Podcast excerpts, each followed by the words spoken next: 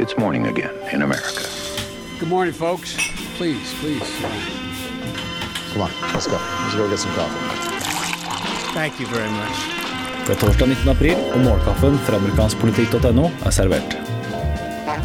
Senator Chuck Grassley, republikaneren fra Iowa som er formannen av Senatets justiskomité, sa i går at komiteen kommer til å se nærmere på lovgivning som vil beskytte spesialetterforsker Robert Mueller. Eh, og Det er da på tross av at majoritetsleder i Senatet Mitch McConnell har sagt at dette er unødvendig, eh, og at han ikke vil eh, ta det videre til stemmegivning i hele Senatet. Detaljene her går iallfall på at senatorer fra begge partier i forrige uke introduserte en lovtekst som vil sikre at kun en eh, leder innad i Justisdepartementet har muligheten til å sparke spesialetterforsker Robert Mueller, som altså leder denne Russland-etterforskningen. I tillegg til det så står det at hvis denne spesialetterforskeren blir sparka uten god grunn, så kan spesialetterforskeren gjeninnsettes.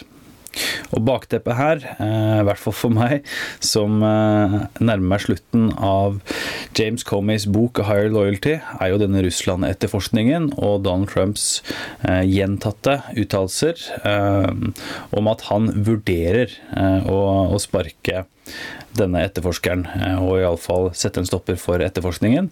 Eh, han har sagt det på litt forskjellige tidspunkt, og han har også sagt det motsatte i offentligheten, at han samarbeider og ønsker at denne etterforskningen skal avsluttes. Så som han sier igjen og igjen og igjen, senest i går i Florida fra Mar-a-Lago, no collusion.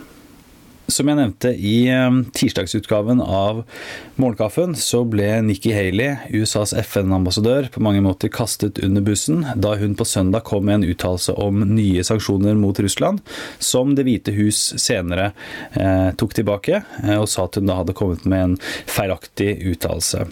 Eh, det har balla litt på seg utover i uken. Eh, Larry Kudlow, som da er Donald Trumps sjefsøkonomiske rådgiver, eh, sa at hun måtte ha blitt offer for midlertidig forvirrelse i forbindelse med disse uttalelsene. Men han måtte senere trekke tilbake denne og beklage uttalelsen, etter at Haleys folk tydeligvis hadde tatt kontakt og, og sagt tatt kontakt. Haley lot ikke være med uttalelser bak lukkede dører her.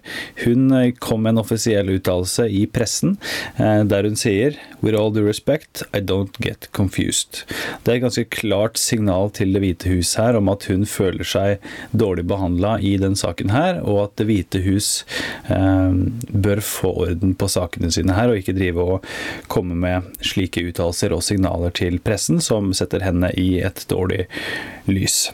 Eh, hun skiller seg da fra andre i administrasjonen som har uttrykt lignende kritikk internt og ikke i pressen som på denne måten. Dagens utgave av Morgenkaffen er servert av Eirik Haugen og undertegnede Are Togflaten. Du leser mer om disse og andre saker på amerikanskpolitikk.no. Gå gjerne til iTunes, skriv noen ord om podkasten og gi oss så mange stjerner du føler vi fortjener, så når vi enda flere. Det håper vi jo å kunne gjøre. Setter også pris på om dere som ikke har gjort det ennå, går til ampoll.no-kaffetips, bruker ett minutt på feedback på podkasten. Så kan du bli med trekningen av en eksklusiv Ampol-kopp som du kan drikke morgenkaffen i. Hyggelig du hører på, og så snakkes vi i morgen.